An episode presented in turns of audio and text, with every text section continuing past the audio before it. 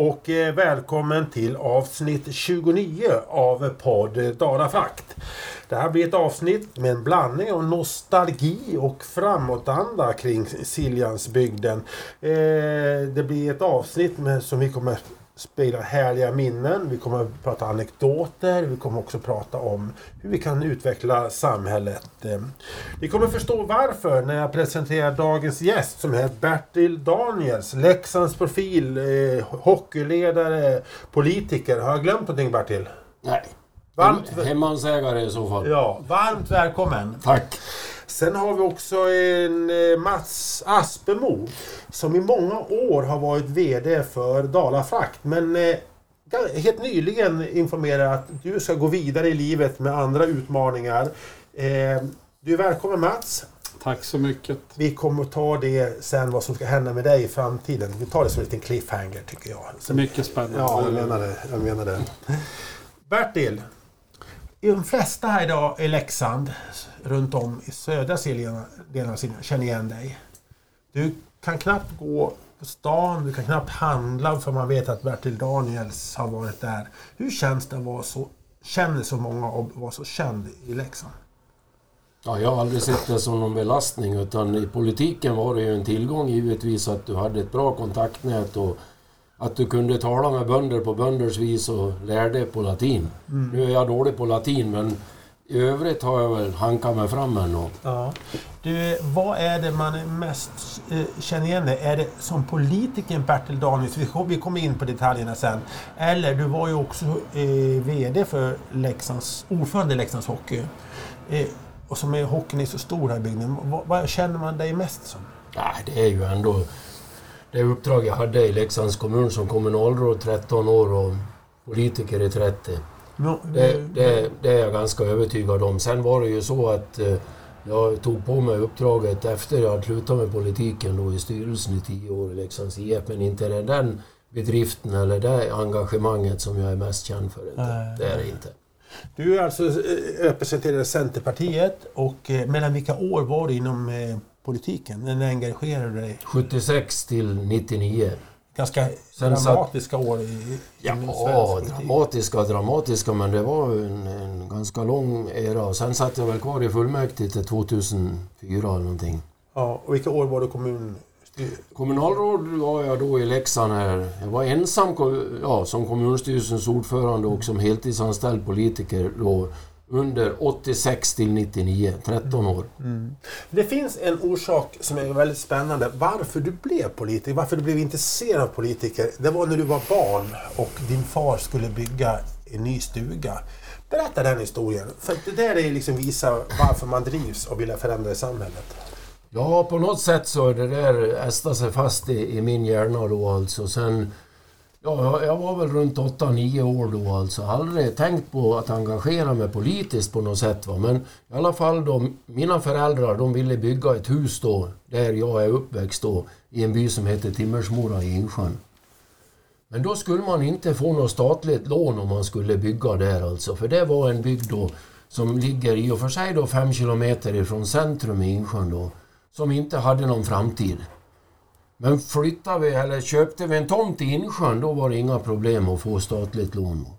Men då, då, och då tyckte jag att, och det var inte då kommunen som avgjorde det, utan det var någon på Länsstyrelsen som bestämde det, var att den här bygden där, där min mor var uppväxt då och tolv syskon till och levde på det jordbruk då som som de hade då tidigare. Och det är klart, de hade ju inte några eh, glassiga dagar men de hade mat på bordet och, och ett välstånd som de främjade alltså. Ingen behövde svälta där. Och det är klart, det är en annan tideräkning men den där signalen som jag fick då till mig genom min far då i, från samhället, från storebror, det kändes alltså ganska besvärande då i det läget. Jag tyckte det ska väl inte någon annan bry sig i var vi ska bo. Det var på 50-talet det här? Det här var slutet på 50-talet, ja. Mm. 56, 57. Och eh, det här, den biten har... Det har varit liksom en ramverk för dig när du har jobbat? Ja, jag har i alla fall tyckt alltså att vi Och vi, det menar jag den lokala ytan, vi måste kunna ta ansvar för vår egen utveckling och vår egen bygd på bästa möjliga sätt. Någon där uppe kan inte komma och peta i detaljer och tala om nu ska ni göra så här och nu ska ni inte göra så här. Men tyvärr kan jag konstatera att samhället har blivit ännu mer centralstyrt än vad det var under den tid när jag var kommunalråd också. Annars är det så att politikerna är flatare idag och, och kanske inte vill ifrågasätta de här direktiven. Min företrädare Björn Doverskog, han berättar ju det varje ma ny mandatperiod när han blev omvald att ja du vet Bertil, om man inte blir vad heter JO-anmäld minst två gånger per mandatperiod då har man vad heter misslyckats som kommunalråd sa Björn åt mig alltså. Det där var ju också en sån där ledstjärna han hade. Det är inte alltid säkert att, att eh, ja, de där uppe har rätt och även lagar kan ju också vara tolkade givetvis på olika sätt. Va? Och kommunalt kan du ta i princip vilket beslut som helst, bara att det inte blir överklagat. Då blir det giltigt efter 20, ja, tre, tre veckor, 21 dagar. Det intressanta är att du direkt, vilket jag tycker är härligt, det är fint, det är respektfullt, nämner Björn Daveskog. För att för de som inte känner igen Björn Daveskog, att han var en mycket kraftfull profil i Leksand som var kommunalråd i många år. Han var också ordförande i Leksands IF och tyvärr gick han bort för tidigt i hjärtinfarkt på 90-talet. Och, eh, men för, för en del har det blivit kallat för eh, eh, Björns kronprins för du tog vid i politiken, hur kommunalråd efter honom. Du tog också vid inom hockeyn efter och ni har jobbat så väldigt nära varandra. Vad har han betytt? Ja, för han... dig och för, för Leksand? För Leksand har han ju betytt jättemycket givetvis.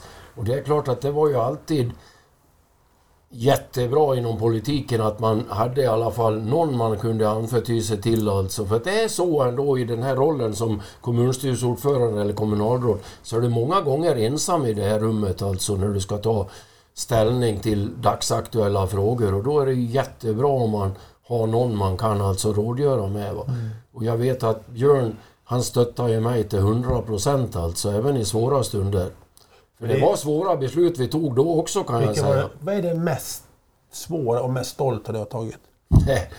ja, det mest stolta det tycker jag då man kan säga att jag, jag var ju pådrivande i alla fall när det gällde att vi skulle bygga en gymnasieskola här i Leksand. Som visade sig i alla fall då att det var rätt. Va? Sen är det klart att tiderna förändras och det är tufft idag vad jag förstår inom skolans värld och jag tror att man måste tänka lite större där alltså och hitta samarbete med grannkommunerna i större omfattning om man ska klara de här programutbuden och det här. Man får inte vara så inpinkad. Sen har jag tagit svåra beslut och när du, när du frågar om det då, då landar jag på räddningstjänsten. Jag var med och la ner två brandstationer. En i Siljansnäs och en i Insjön. Och det, det skulle jag inte vilja ha ogjort om jag kom in i politiken igen. Det, det, det, var en utmaning. Ja, det var en utmaning. Det var det. Mm. Men det vi känner, vi pratar om Björn Doverskog, jag kan inte släppa honom riktigt. Nej. Han var ju också så karismatisk som hockeyledare. Han betydde så mycket för ishockeyn. Mm. Och eh, när han gick bort så var det också sorg i bygden. Mm. Eh, Mats Aspermo, du som kommer från Norrland och flyttat in här. Eh, du har ju också varit, du har varit VD för Leksands IF. Hur, Björn Daverskog, vad har du, har du fått för bild av Björn? För du, har, du träffade honom någon gång? Jag träffade honom aldrig, för vi flyttade hit i januari 98. Jag undrar om inte han avled samma vår eller kanske till och med året innan. Nej, hösten 99. Höst, eller, 98, förlåt. Ja, hösten. Och så jag har aldrig träffat honom, men bilden är ju att det är en, en handlingskraftig eh, människa som, som vill bygden väl. Och sådana behöver vi ju fler, och framförallt de som är modiga och vågar någonting. För då är modet en bristvara i samhället i största allmänhet. Vi har blivit ganska fega skita. Vi vågar inte säga någonting och vi vågar inte driva det vi tror är rätt på något sätt. Så att vi måste främja mod och låta folk göra fel och våga, våga ta risk. För det driver utveckling. Allt annat är förödande. Då får vi, jag vet inte tusan, men tittar man, du var inne på det med regelstyrning och sånt där. Och kollar man på politik och på, på myndigheter idag så är man ju eh, lagvrängare av, av Guds nåde. Finns det en möjlighet att inte ta ett beslut utifrån någon regel så gör, väljer man ju att ta den vägen för man är så rädd att göra fel. Mm. Eh, och politiken driver ju på något sätt mot att om vi har en regel, då ska vi ta en regel till för att förklara den dåliga regeln vi hade från början. Man river inte ner det gamla för att bygga upp någonting nytt. Så man borde ju ha en regel in, en regel ut. Vi kan inte detaljreglera allt. Det blir alla civilisationers fall så småningom, om du har för mycket detaljstyrning och regler. Du måste lita på att individen själv kan ta kloka beslut. Jag håller med dig helt där Bertil, att vi måste liksom främja individens rörelseutrymme i samhället. Det är jätteviktigt, för de driver samhällsutvecklingen. Men går vi till en nya generationen politiker, företagsledare, att man är lite är för rädda? Kan det vara tryck på sociala medier? Att du, du får ju hela tiden respons på vad som händer. Jag menar, jag kan bara tänka dig Bertil, mm. när du lägger ner två räddningar i Siljansnäs och Insjön. Vilket liv det skulle vara på sociala medier om det fanns det då. Ja, men jag tror det ligger mycket i det, för att vad du läser idag det är ju korta ingresser. Och då blir det drev av olika slag. Och säger du fel någonstans, då är det uppe i en liten kort citatmening och sen är folk på det och tycker att det där är ju inte riktigt, riktigt riktigt alla gånger. Och då blir det massiva drev. Där, så media driver ju mycket av den här samhällsutvecklingen. Tyvärr.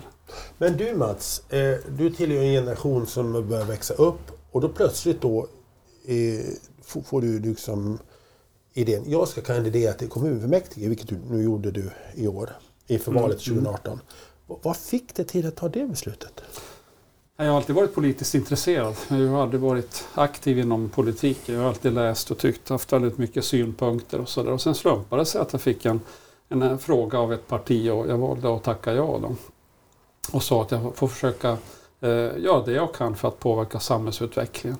Men jag ser att det är svårt att hinna med när man är VD samtidigt som man ska jobba som fritidspolitiker. Eh, man hinner inte riktigt vara med där besluten tas alla gånger. Läsa på dokument är inga problem men just att vara med där besluten tas, det är jättetufft att hinna med om du inte är med den innersta kärnan i politiken idag. Och då blir det en ganska liten grupp som driver vår utveckling. Det låter och det är farligt. inte bra. Det är det inte bra. Jag tror inte det är bra för demokratin på något sätt. Du måste öppna upp och du måste bredda och du måste ge möjlighet även för fritidspolitiker att vara delaktiga på ett annat sätt än vad som kanske görs idag. Och du var ju inne på att du var, du var ensamt kommunalråd. Resten var ju liksom fritidspersonligheter. och man måste ge utrymme för dem på ett annat sätt tror jag. För att hinna, hinna göra en bra insats. Om du nu säger så här att vi inte har möjlighet för näringslivet att, att göra en politisk insats. Du kanske har många fritidsledare inom idrotten att göra det här. Dels har du tiden. Är det för känsligt? Är det jobbigt mentalt att vara politiker idag? För du måste stå för en åsikt som du Nej, liksom... det skulle jag inte säga. Nej, inte, inte ur den synvinkeln. Nej, jag tror det är med tiden som begränsar och sen också eh, Eh, kanske möjligheten till, till karriär också för många inom näringslivet. Att man vill inte kliva in i politiken för det finns du måste ha en utkomst också någonstans ifrån. Det har varit en kort stund, eh, men din spontana reflektion inom den här tiden du har varit sedan valet 18. Är det någonting ljuspunkt eller något du kan rekommendera så att det inte blir alldeles för mörkt? Finns det någonting? Nej, men absolut. Man ska engagera sig och vara delaktig, helt klart. Och det är ju jätteintressant att sitta i, i de här kokande, kokande grytorna och försöka röra i lite mer kryddor i, i soppan så att det blir någon smakfull variant av det. Så att, nej, men absolut, har man tid och, och samhällsengagerad ska man vara med. Och det är ju där man kan påverka. Det hjälper liksom inte att sitta vid sidan om med knytnäven i byxfickan och, och vara förbannad. Utan in i smeten och delta. Jag har inte hunnit på det sätt jag vill, så är det. Vad säger du Bertil som har varit med i smeten i många år? När du hör en, en nykomling i det politiska arbetet resonera så? Jo, men, ja visst, jag har inga direkta kommentarer där än, än, än att eh, det Mats säger då att det är jätteviktigt att ändå folk förstår att vi måste engagera oss. Va? För det hjälper inte att sitta på det här rummet eller hemma på kammaren och förbaskar på politiken. Du måste ge dig in om du ska kunna påverka det hela. Men tyvärr är det ju så att tendensen går ju att det är ju alltid någon annan som ska fixa det här. Va? Jag brukar kalla det nonismen alltså. Va? Att det är eh, storebror eller någon annan som fixar det. Jag behöver inte bry mig alltså. Va? Och det är inte bra alltså. Och där tror jag att politiken har jätteviktig roll att försöka bredda det här engagemanget. Samtidigt så är det ju så att vi lever i ett mer eh, stressat eller omvärldstryck på politiken också. Va? Både ekonomiskt men även vad heter verksamhetsmässigt och det ska redovisas resultat och så. Jag har ju aldrig reflekterat på att engagera mig på länsplanet eller på vad heter riksdagen och det här. Va. Alltså i, i den kommunala världen där kan man ändå vara med och ta ett beslut ena året och se att det genomförs nästa år. Va? Och det tycker jag, det är ju det som man ska uppmuntra till. Men det kanske... Eh, en del människor vill ju ha resultat direkt. Va? Om man är egen företagare till exempel. Jag har ju själv varit där då jag och min bror och då tog vi beslut på förmiddagen och sen genomförde vi det på eftermiddagen. Så funkar det ju inte inom politiken. Man måste ha tre, tre bitar tycker jag man ska ha. Jag har sagt det många gånger. Det är då alltså... Du ska ha eh, envishet, ödmjukhet och en stor portion tjurskallighet för att nå fram alltså. De där tre bitarna, du måste kunna kombinera på något sätt. Va? För du kan inte bara vara tjurskalla heller, vet du. Då, då får du ingen med dig heller. Va? Utan du måste visa att du, du lyssnar och tar till det. Och, Generellt sett, nu, Ja. nu tar vi inte några namn, utan är dagens nya generation politiker, har man de egenskaperna som du eftertrycker? Nej, jag är tveksam om man har det alltså. För att det omsätts ju ganska mycket varje mandatperiod. I förhållande då till när jag började i politiken, då fanns det ju de som har suttit där i... Jag vill inte påstå ju som att, att det här är, är optimalt, att man är engagerad i 30 år som jag var. Det finns ju de som har suttit i fullmäktige nu senast här då över 40 år alltså. Men det är undantagsfallen av det då. Men jag tror inte att den kommande generation som engagerar sig, då är det bra om de är engagerade en, en mandatperiod. Va? Det är ganska intressant när du växte upp. För det första så du sa att du var engagerad dig i lokalpolitiken mest. Ja. Men, visst vann det väl de som att du ville att du skulle in i rikspolitiken? Ja, jag var ju med på riksdagslistan men jag hade inga ambitioner om det alltså. du, nej. Utan det var väl mer som eventuellt partiet tyckte att jag kanske skulle vara med som någon dragare då alltså. Men det får ju, det får ju stå för det. Men, men, men eh, jag hade ingen ambition där. Jag tror ju som att sitta i riksdagen ärligt talat alltså och vara bara en tryckgubbe oavsett om du sitter i majoritet eller om du sitter i opposition. Så måste det bygga på att du ska vara lojal och det hela. Det finns inte utrymme för att driva några egna frågor i de sammanhangen. Mm. Men jag skulle vilja vara, backa faktiskt bandet till 1968. Det är en ung Bertil Daniels som började hitta formerna inom politiken. Jag ska bli en, och så vidare. Och det är det stora revoltåret. Där vänstern drar fram som en stormvind och alla lite äldre idag som var vänster då ser ju med nostalgi. Och här kommer det en, en Bertil Daniel som är eh, centerpartist till Malungs folkhögskola. Och man ska ha vad heter det, studiecirklar kring eh, revolutioner och så vidare. Och hur stod du ut Bertil? Hur klarar man som centerpartist den här röda vågen som kom? Hur var det? Men 68, jag är ju riktig historia förutom att jag var nog inte engagerad, jag var ju inte engagerad centerpartist då. Va? Utan jag gick på Malungs folkhögskola och det var ju rödaste, rödaste alltså. Och det var gruvarbetare från Grängesberg där bland annat alltså som var arbetslös just då och gick där på AMS-bidrag och, och då skulle de starta någon sån här kurs där med alla de där bokstäverna. Jag kommer inte ihåg de här nu då, mycket det var. Men det var ju så långt eh, vänster det gick att komma alltså.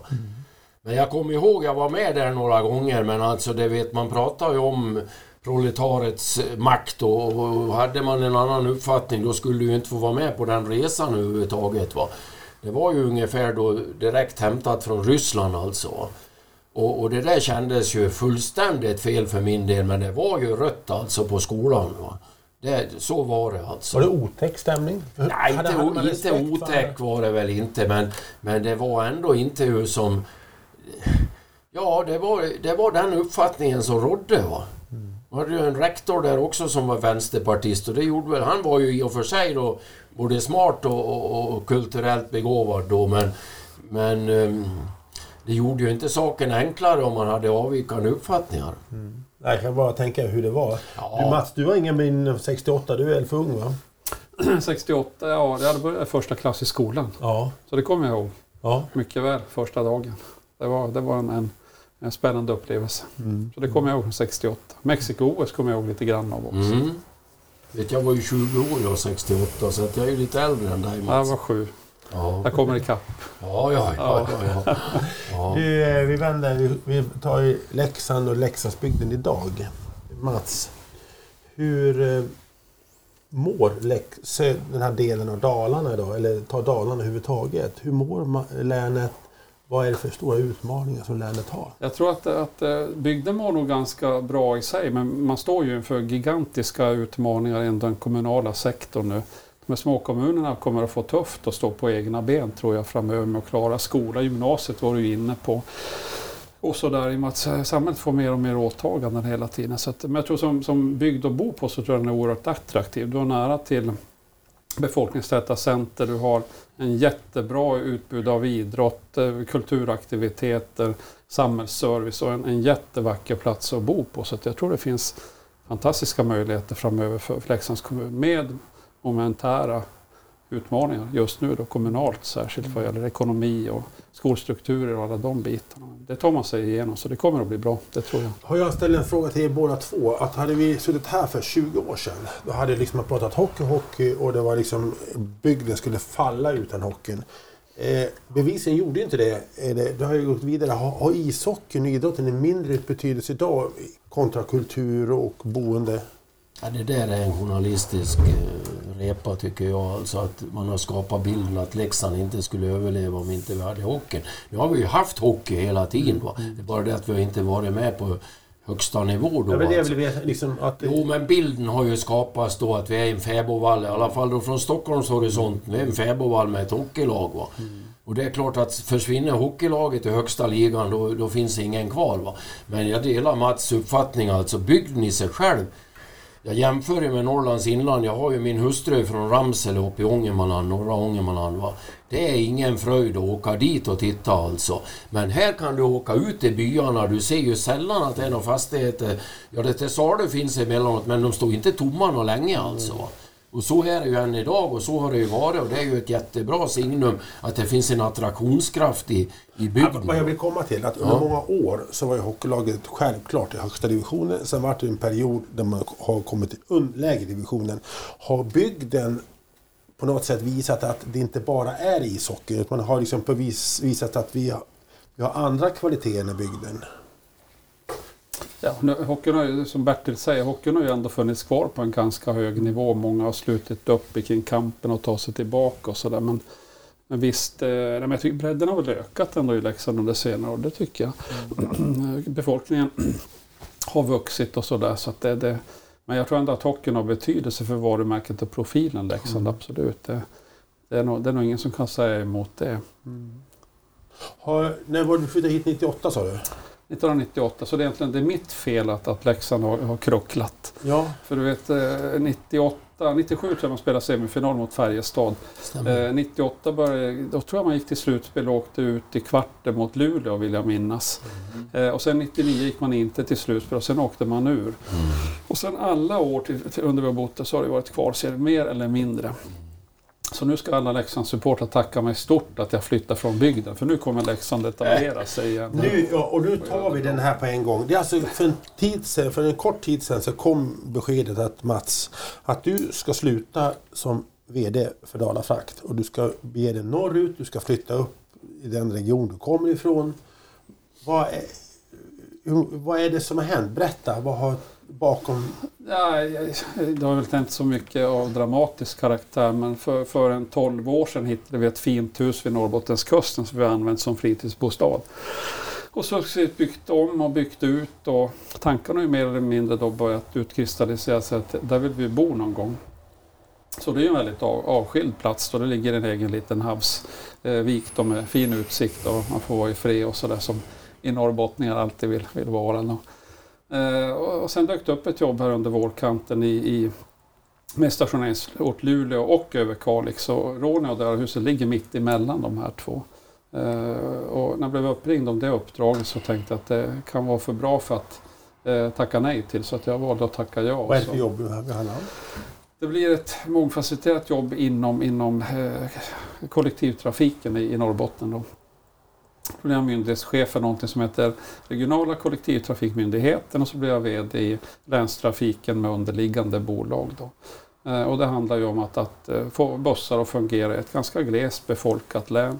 Eh, och matcha ihop dem med tågtrafik och alla, alla de bitarna. Så det är en spännande utmaning och speciellt idag är det ju miljöfrågor och allt som är på tapeten så är det en viktig del i en samhällsstruktur att vi har en välfungerande kollektivtrafik. Så att, jag tycker det ska bli en kul utmaning. Du har varit VD i Dalafrakt i många år? I snart sju år. Ja. Vad har varit en...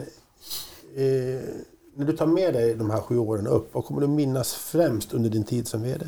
Jag minns alltid människorna jag har jobbat med. Jag vet inte om man kommer ihåg så mycket av det man har gjort egentligen. Utan mer de bra individer som man har träffat på i olika sammanhang. Och Dalafrakt är ju en blandning av oerhört många människor från åka led och maskinägare ända in på kontoret. Och så att, Eh, många nya vänner, många nya goda kontakter och, och eh, kompisband som kommer att leva kvar även i en framtid. Eh, sen kanske också affärsmässig resa vi har gjort med, med, med utveckling vad gäller fakturering. Eh, vi har vuxit kraftigt, vi har anställt ganska mycket nytt folk, vi har ändrat affärsmodellerna i stor utsträckning och eh, eh ja, jobbat rätt hårt och intensivt med att försöka modernisera Dalafrakt kort och gott. Och se framtiden an med, med tillförsikt mer än att, att vara pessimister inför det som komma skall.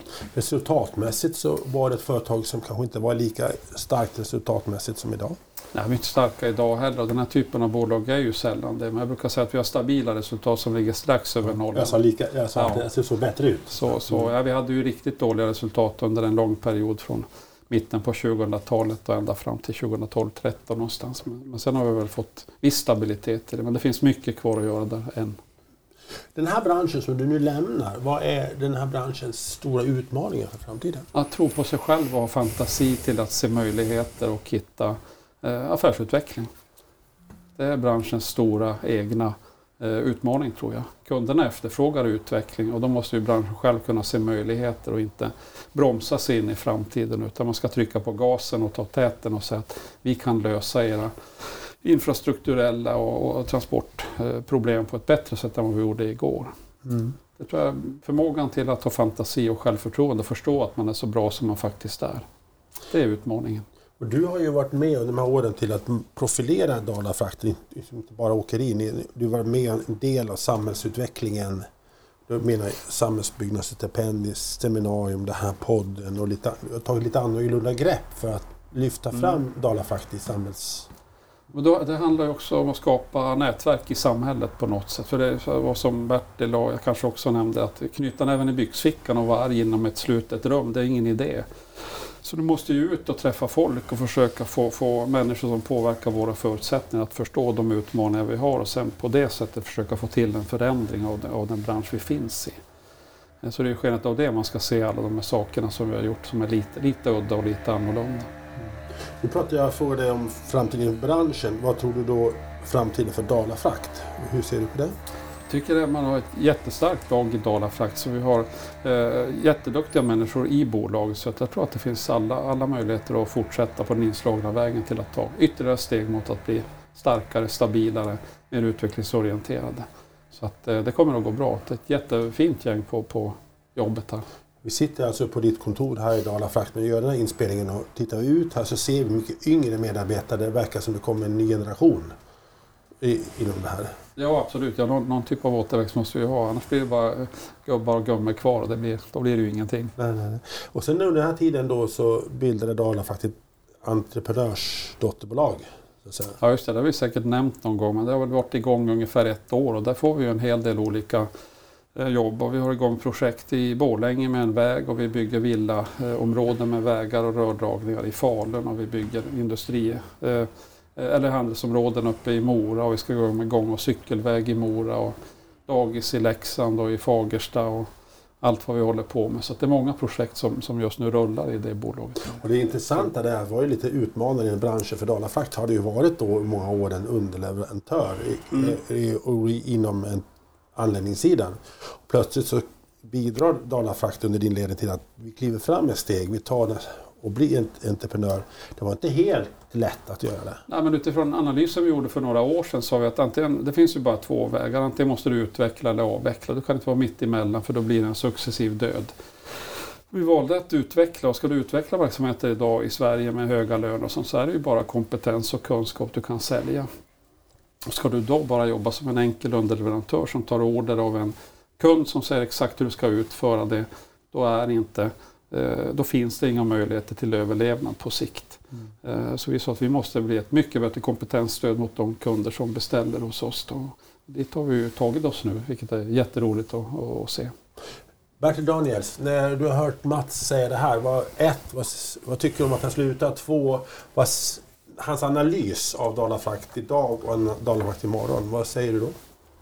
Ja, dels börjar med den första frågan. och Det hör vi ju när Mats pratar här. Alltså, han är ju en samhällsbyggare. Mm. Och VD samtidigt. Och, och, det tycker jag det känns otroligt bra i mina öron. Alltså. För att det är ju så att även företagare kan inte bara leva i sin egen värld utan de måste ju också vara med och skapa den här andan i samhället så att, och påvisa att det är möjligt och att det går. Och jag tycker Mats har varit en jättebra ambassadör för både Leksand och för Dalafrakt i det här sammanhanget. Sen har inte jag den kunskapen när det gäller Dalafrakts eh, interna verksamhet och så men det låter ju spännande och låter ju rätt här att man ändå försöker bestämma i eget hus va? och inte bli bara legoknektar åt de här större exploatörerna eller större byggföretagen. Jag förstår ju att det är det som har drivit fram det här och sen är det kul att höra när han rapporterar här hur mycket jobb och uppdrag man ändå har fått. Va? Då, då visar det ju ändå att, att då är man ju med på, på banan. Va? Men du måste under alla dina år du har bott här i Leksand kunna följt Dalaflax utveckling? Ja visst har det. Men, men för min del har det ju varit ett rent åkeriföretag va? med massa delägare och det här har jag ju fått beskrivet då. Enbilsåkare och det här och det är inte det enklaste vad jag kan förstå att hålla ihop det här. Va? Du skrattar Mats. Jo, ja, nej, men alltså, jo men alltså det är ju så då för det är ju som vilken annan ekonomisk förening som helst va? i det sammanhanget. Va? Och, och Dalafrakt ska ju bara serva då de här åkarna med körning och sen får man en viss procent på de uppdrag man har lyckats genomföra. Då. Men det bolaget du gjorde med din bror, vad, hade, vad gjorde ni? Vi sågade träslipers. Okay. Ja, i tio år. Det var ju då när jag flyttade hem då 75 till 85 då innan jag klev på kommunalrådsuppdraget. Då stod vi och sågade slipers men vi sågade väl i tre, fyra månader om året. Och vi sålde ju då de här sliprarna till Sveriges enda privata järnväg. Och det var mellan Grängesberg och Oxelösund. Mm. TIOE heter det. Mm. Den är ju uppköpt idag. Det gick i alla fall inte att ha några affärer att göra med SJ. Det var alldeles stopp. De köpte bokslipers i Schweiz istället. De tyckte det var roligare att åka dit än att åka till Insjön. Mm. Och då hoppar du in i politiken. Var det. När vi pratade, nu hoppar jag lite här lite fram och tillbaka, men jag kan inte släppa det här att när vi började förbereda det här avsnittet och prata om politik i Leksand, då kom vi in på något namn som heter Röde Baronen. Jag, jag släpp, ni skrattar båda två. Berätta, vad var det där? Jag, det lät så spännande men så, så sa producent Magnus Ståhlberg, nu får vi sätta igång. Men nu tar jag upp den tråden igen. Vad var Leksands politik och Röde Banonen för någonting? Ja, han hette ju Erik Aff Wetterstedt. Och han eh, hade ju varit verksam då i, i ett stort eh, importföretag i Göteborg. Jag inte kommer ihåg vad det hette nu då, men, Nord, ja, men glöm det då. Men där hade han varit verksam och sen vad heter, flyttade han till Leksand här. När han blev pensionär. Första uppdraget han fick här, för han var ju entreprenör, han var ju kreativ, han ville ju saker och ting. Det var att han var marknadschef på Korstäppan på den tiden. Det var hans första uppdrag. Och, och, och det här var ju redan då under Björn Doverskogs tid. Va? Och eh, då var det så här att eh, han började skicka ut till... Han hade alltid en filosofi. Han, han, det var inte lönt att ringa någon sketen sekreterare. Han skulle alltid ha tag i den, den som bestämde. Va? Så han skickade ut brev han då till eh, företagsvärlden om konferenser och även fackföreningsrörelsen. Jag vet Stig Malm då utav alla bombarderade han med... med fackföreningsledaren? Ja, fackföreningsledaren Stig Malm. Han var ju ordförande i LO han då. Han såg väl att det var en stark resurs då. Försöka få den då till Korstäppan och hålla konferenser i lilla Leksand då. Och det var inte nog med det va. Han skickade ju påminnelser i stup ett alltså. Så att Stig Malm han fick lov att, att, att vända sig till den lokala LO-klubben här då. Det var en som hette Dagmar Berglund då som var ordförande för hotell och, och LO här då. Hon, hon fick svara på frågan vem var den där Erik Wetterstedt alltså? För han var så enveten va. Så han gav sig inte alltså. Men du vet, han, han, det blev ju inga resultat för honom tyvärr alltså. Nej. inte på det viset. Men sen gav han ju sig in då vet du och, och var en riktig Ja, vad ska jag säga? En riktig fångstnät hade han för alla missnöjda människor. Va? Alla som, som samhället hade mer eller mindre behandlat felaktigt som han tyckte då. Va? Och, det, och det, han jobbade ju över hela riket. Va? Men han hade ju mycket ärenden även i Leksand här. Va? Och det kan jag väl säga nu när det är över 20 år sedan han eh, har lämnat det här och jag slutade också. Jag gjorde en, en gentleman agreements med honom för att tjänstemännen på kommunen de var ju rädda för honom. De tordes ju inte ringa upp honom. Och jag tänkte, ja men det går det, Och jag hade ju inte haft någon kontakt med honom förut men det måste ju gå att prata med honom. Så jag gjorde en, en, en gentleman agreement med honom. Och det innebar att jag hade två dagar på mig att kolla upp det här ärendet innan han gick ut med insändare, innan han gick till media överhuvudtaget alltså. Och jag vill påstå det, jag löste 98 procent utav de där fallen alltså. Genom den här uppgörelsen vi gjorde. Va? Och han lyssnade på mig, för jag skaffade tillit till han istället för att jag var rädd för honom. Mm. Så lyssnade han på mig. Och, och när jag, för det är ju så alltid, när, när det är saker och ting som inte funkar så finns ju alltid två sidor på ett mynt. Va? Och många gånger är det ju tyvärr då och helst då när det gäller den kommunala världen då. För folk hänvisar till att man har talat med någon på kommunen. Va? Och det var ju bara 1400 anställda på den tiden då. Va? Och, och det här någon då, det är ju inte lätt att veta då alltså. För jag sa ju det åt Wetterstedt, du måste ta fram vem har person talat med alltså. V vad heter personen i fråga? Så att jag kan i så fall ta upp det här med personen i fråga då. Men, och du vet, det försvann ju jättemycket ärenden på det men, viset. Var fick jag namnet Röda Baronen ifrån? Jo, men det var väl lite av det här Röda Nejlikan och Röda Baron då, att han ställde sig på den svaga sida. Mm. För han gjorde ju nytta om mot Försäkringskassan vet jag bland annat. Och även landstinget Dalarna, det var en del som hade blivit miss Ja, inte något bra behandlade alltså. Jag minns när jag jobbade på Falukuriren på den tiden ja. och vi gick förbi insändare-redaktören och han pratade alltid om Erik Affettes. Att det fanns nog ingen som skrev så mycket insändare. Nej. Det var liksom varje dag som mm. var en insändare från honom. Jag hade ju möjlighet att få komma hem till honom. Han satt där i kalsongerna och, och, och, skrev på sin skrivmaskin och sen hade han röd, rödvinsflaskan bredvid sig där alltså. Han hade ju inspiration och han hade ju en hel perm vet du. Ja, det var kanske inte bara en perm utan han hade ju flera permar alltså som var eh, insändare. Han, han blev ju inbjuden till TV, något TV-program men där gjorde han sig inte något bra. Va? För det blev ett annat tryck på honom alltså. Va? Där fick han inte bara använda pennan alltså. Va? Kände, vet du vem det var Mats? Nej, jag, jag vet ju vem det är. Han fanns ju i många insändare i många tidningar. Kvällspress och oh. dagspress. Och Sen har jag hört många historier om honom också. Bertil har ju berättat en del också om sponsringsinsatser jag för mig mot hockeyn där ni delade ut några reklamgåvor vid något tillfälle. Det var en kul grej. Det, det ja, jag kan berätta. Ja, det kan jag väl berätta. Då. Landstinget ville ju göra en kampanj i stadion här då. Det var väl någon gång på, i lag med kommun då. Det var någon gång på 90-talet och dela ut kondomer där då i pauserna. Va? Och Erik han hade ju noterat att jag vad heter, var för att Leksands kommuninvånare skulle öka. Va? För det är otroligt viktigt att det finns en tillväxt befolkningsmässigt i en kommun. Annars klarar man inte ekonomin också. Och då var Erik, han ringde mig dagen efter då när jag hade varit på nyheterna. För det blev ju en nyhet det där året på radion då tror jag att eh, landstinget var här och delade ut kondomer då. Och Leksands kommun biträdde alltså. Då undrar Erik, men vad, Bertil, har du övergett be, befolkningstal där, att vi ska öka befolkningen? Nej Erik, du ska vara alldeles lugn. Jag har ju suttit här, jag och en tjänsteman har suttit här hela eftermiddagen och pekat hål på varenda kondom vi har delat ut. Så, har du, har du, sa han. Då var han nöjd med det svaret alltså. Ja, det var en variant alltså. Sen ringde han ju mig en annan gång då, då var det ju runt jul då. Då hade han ju blivit uppvaktad då, vet du med ostar och vinflaskor och så här då. Utav människor som, som han hade hjälpt då. För han tog aldrig betalt för det. Va? Utan det var att visa uppskattning. Och då sa jag det åt Erik på skämt bara. Va? Givetvis. Ja, jag hoppas Erik du känner till att jag sitter med i den lokala taxeringsnämnden så du tar upp det här som förmån nu, sa jag åt honom. Du Daniels, vinflaskorna, de har jag redan lämnat in på Nordsgatan, sa han. Alla bevis var borta. Ostarna, de är uppätna, sa Så det finns ingenting att se alltså. Så han fann sig å många gånger, vet du. Men sen har jag en, en, en annan... Eh, ja, jag vet inte om jag ska dra den egentligen. Det beror på hur, hur stor lyssnarkrets ni har i det här sammanhanget. Dra den, för du kommer de som lyssnar vara väldigt nyfiken. Vad är det här? Ja, jag förstår. Men det var i alla fall så här då att eh, det var politiker, tjänstemän och några präster och grejer som hade varit på porrklubb i Stockholm. På skattebetalarnas pengar. Va?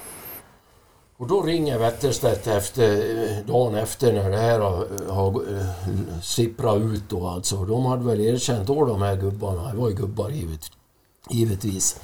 Och då frågar Erik mig Ja Bertil, jag hoppas verkligen inte du är med i något sånt där alltså, sa han. Nej men Erik, du må väl ändå ha lite förtroende för mig när vi har känt varandra så pass länge. Du vet, jag aldrig nekat någon, men jag har heller aldrig betalat för det, sa jag. Har du inte, har du inte, sa jag. Och då tyckte han det var också... Då var han nöjd va, när han fick svar, vet du. Ja, det var en profil. Ja, absolut. Va? Absolut. Däremot hade det lite tragiskt avslut. Han hamnade ju på Edsult där. Jag var där och uppvaktade. Jag tror att han fyllde 75 eller 80 med en flaska vin. Då satt han bara och läste i Bibeln där alltså. Han var inte knappt kontaktbar. Ja, han, alltså. han fick ett sånt slut. Ja, ja. Men det är klart. Vad är det man brukar säga? Till och med han brukar ju bli religiös på slutet. Ja. Du, eh, vi går Ja. vidare. Eh, någonting som förenar er båda två, det är Leksands IF. Båda två har ju haft ledande positioner inom eh, ishockeyn. Eh, Bertil, vilket år var det du var med i ordförande där? Ja, ordförande det var väl i två eller tre år det. Det var väl 2010 till 2013 när vi bildade bolaget där. Och du, Satt i styrelsen i tio år. ja. Och du Mats, du, vilket år var du VD? Jag kom ju in där 2010 och det var ju Bertil som ringde mig en, Ja, en det. septemberfredag vill jag minnas. Det var dit jag ville komma till. Ja. Och du, du var där något år eller? Hur många år var det? Jag lämnade 20, juni 2012. 20-talet, va? Men du Bertil, vad tänkte du på när du skulle ta in Mats Aspemo som VD? Vad, vad hade du där nu? Ja, jag visste Fanns inte... det ingen annan på att säga? Nej, men det var ju så här då att vi var ju... Ja, jag, jag uppfattade att vi blev utsatta för en kupp alltså. För personen i fråga som satt där före, han gick av från onsdag. Ja, vi hade eh, upptaktsträff uppe på Långbergs och sen på fredag då ringer han mig när jag är uppe i Härjedalen och plockar svamp. Då ringer han mig och talar om att nu, nu lämnar jag in. Rätt upp och ner.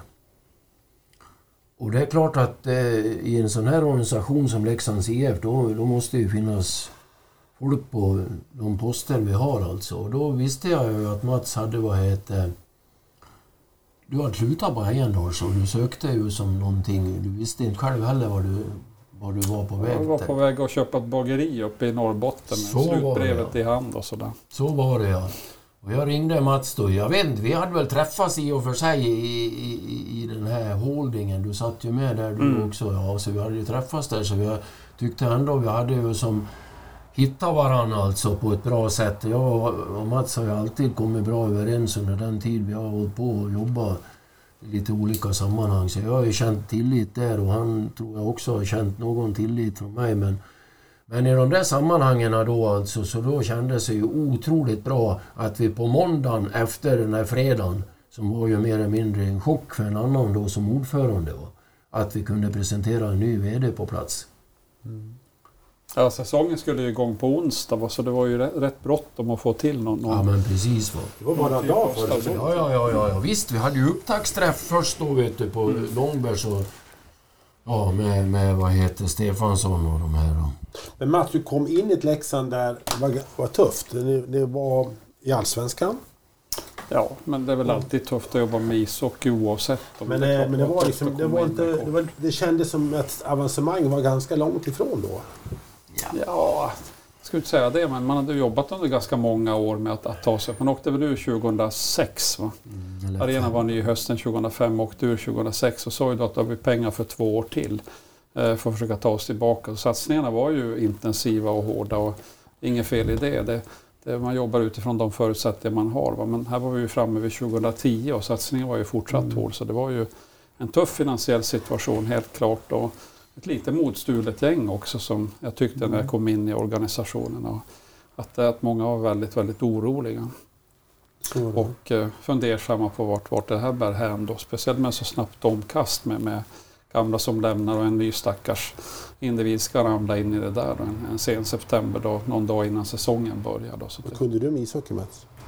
Nej, ingenting egentligen. Jag, jag kan ju ganska lite om mycket men jag kan eh, just det med min förmåga också, bredden att kunna, måste lyssna in och få andra att förmå att göra sina insatser på ett bra sätt. Då.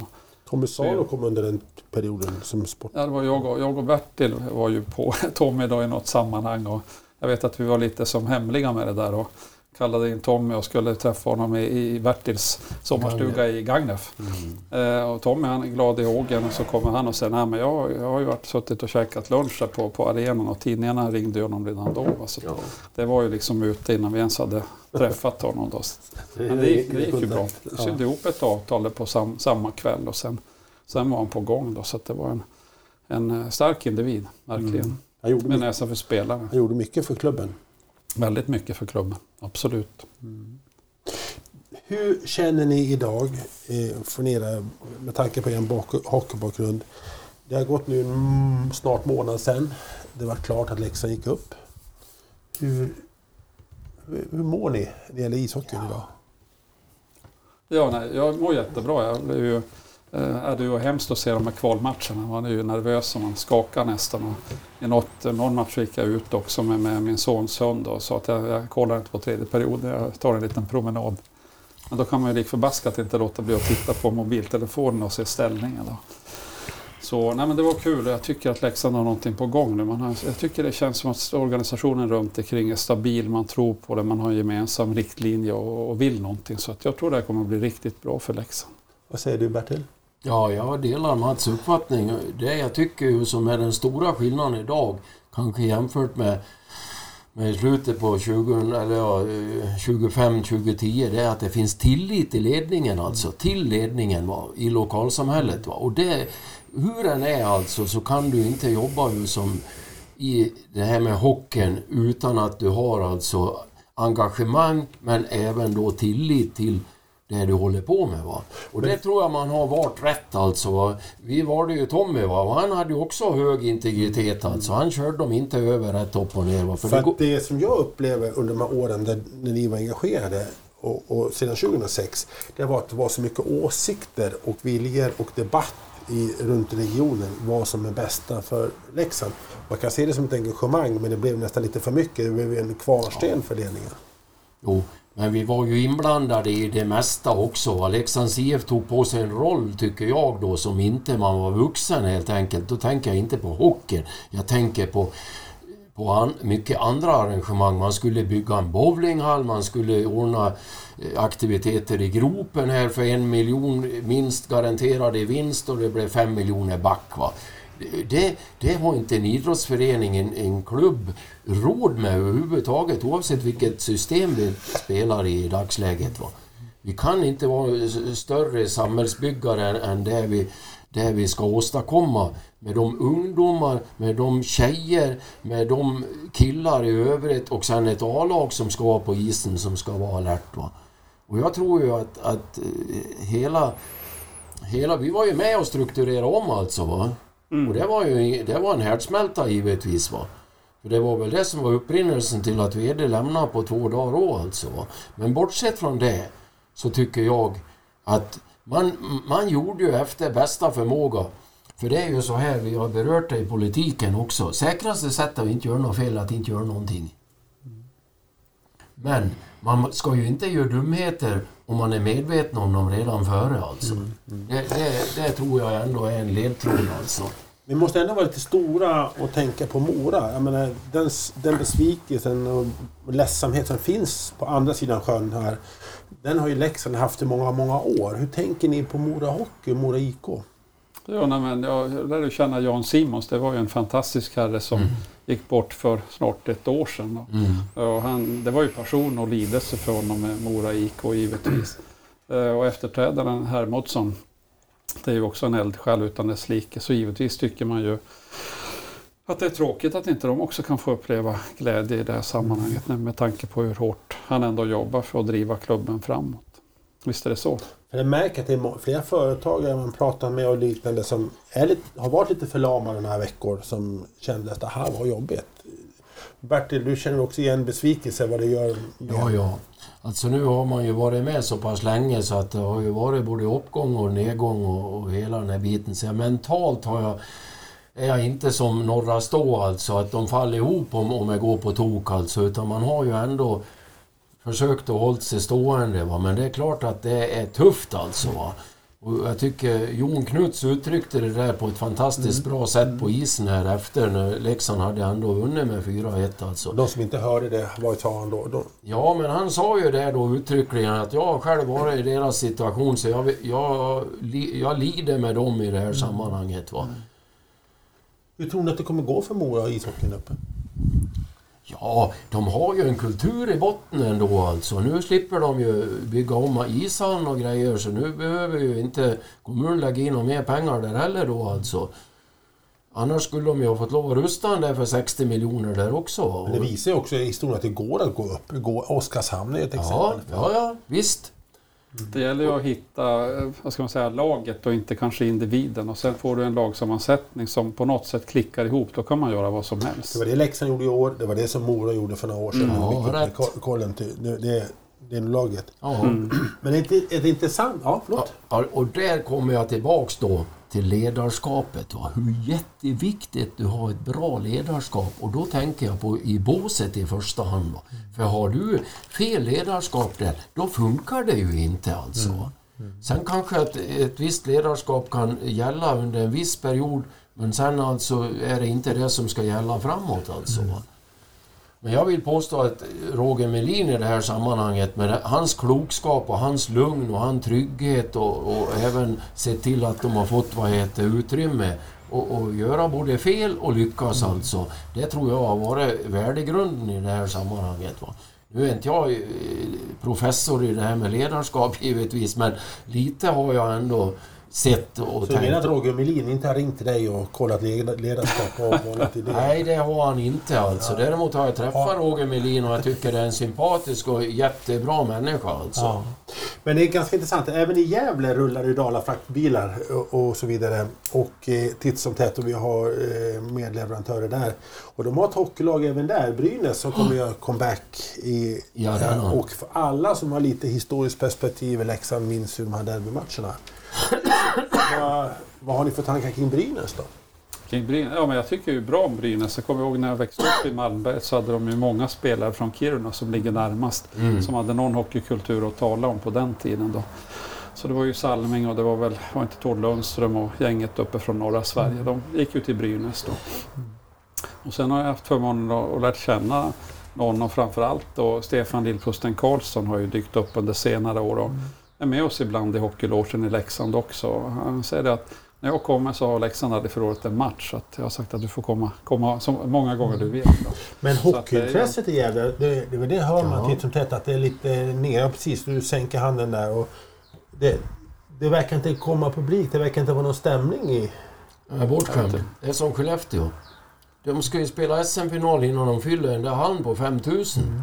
Jag menar, publiken får ju en mättnad efterhand. Va? Mm. Den mättnaden den finns ju inte här i Leksand. Va? Här ropar man ju efter att vi ska spela SHL nu. Och nu hoppas man ju då att, att man ska få ihop ett lag som klarar sig kvar i den här serien också. Va? Mm. Det är ju ingen, annan, ingen önskar något annat givetvis. Va?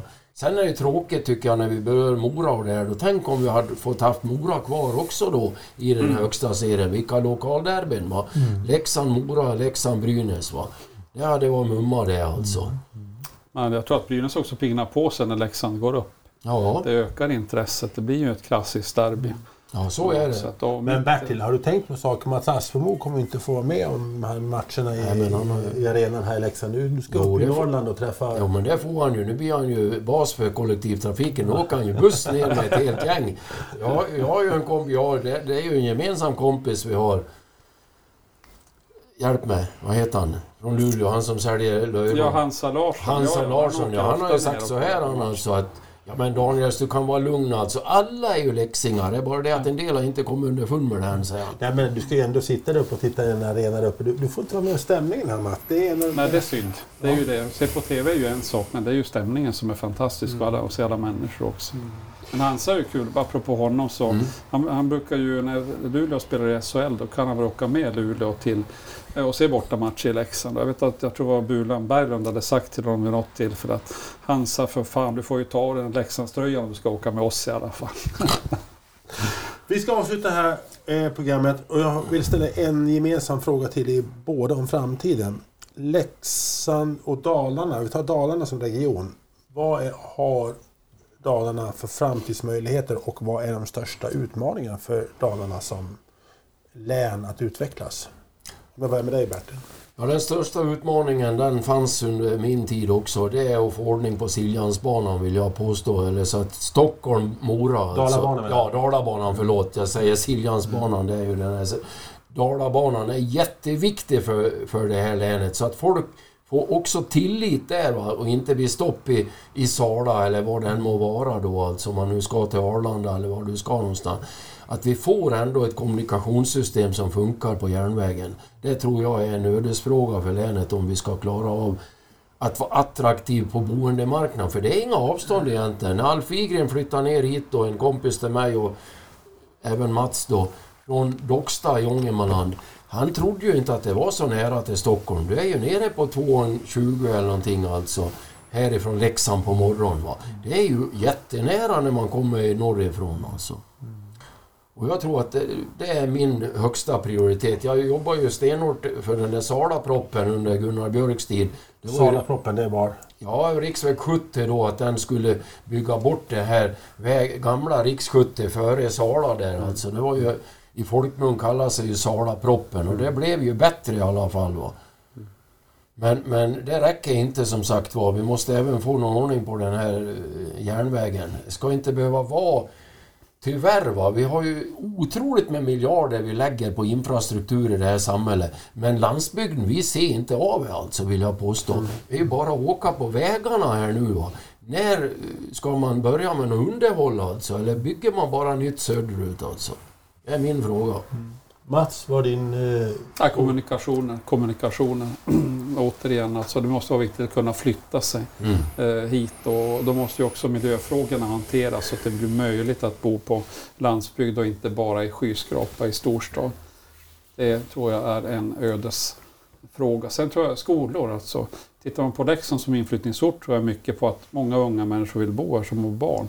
Det är en fantastisk uppväxtmiljö och då måste man ha kvalitet på skolor.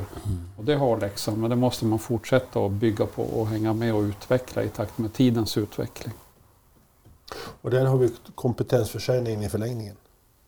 Det blir för kompetensförsörjning i förlängningen, men många ungdomar tror jag väljer att flytta ut och ska flytta ut för att sen komma tillbaka i näst, nästa steg. Då. Så att jag tror man ska sluta att jämföra sig. Med, med, när man är i Dalarna så jämför sig kommunerna ofta med varandra och säger att man är lika bra som Gagnef eller lika bra som Mm. Säter. Titta bredare, det räcker inte med att vara lika bra som grannen utan du måste vara bäst på det du gör. Så skol, skolförsörjning, jag tror det är oerhört viktigt. Ska vi ta det som slutord för det här avsnittet? Eh, Låter det bra Bertil? Ja, fast jag hade ju en koppling till Ja, det då på. Kör på Dalarnas utveckling. Och det är klart, vi är 280 000 invånare i stort. Jag kan inte exakt idag då, men ungefär 280 000 invånare. Och ibland när man lyssnar på en del personer så kan man ju tro att vi bor mitt i navet utav all utveckling, men det gör vi ju inte. Vi är en avkrok tyvärr när det gäller infrastrukturen alltså. För vi har ju inte som en järnväg som går runt eh, Oslo det, och det tror jag det är naivt att tro. Men vad jag vill komma med det här 280 000, det är ett kvarter i Tokyo. Det är ett kvarter i Tokyo som vi konkurrerar med. Va? Och det tror jag, det perspektivet alltså, det innebär att jobba lokalt men tänk globalt. Det tror jag är jätteviktigt i det här sammanhanget. Som vanligt fick du sista ordet Bertil. Det, det bjuder vi på, eller hur Mats? Absolut. Eh, jag vill tacka er för att ni ville vara med på det här avsnittet. Tack Mats Aspemo och lycka till där uppe i Norrland. Tack så mycket. Kylan som är där uppe på vintrarna. En mjuk och fin kyla. Eh, Bertil Daniels, eh, kul att du är här och, eh, och du sprider din entusiasm och minnen. Eh, jag vill tacka producent eh, Mats Stå- Mag- Magnus Stålberg. Bra jobbat. Det är du som har sett till så att vi har ljud i det här. Jag vill också tacka er lyssnare för att ni har varit med i det här. Och jag som tackar heter Anders Hansson. Och eh, vi ses säkert snart igen, eller hörs eh, i det här mediet. Eh, ha det så bra där ute och hej då!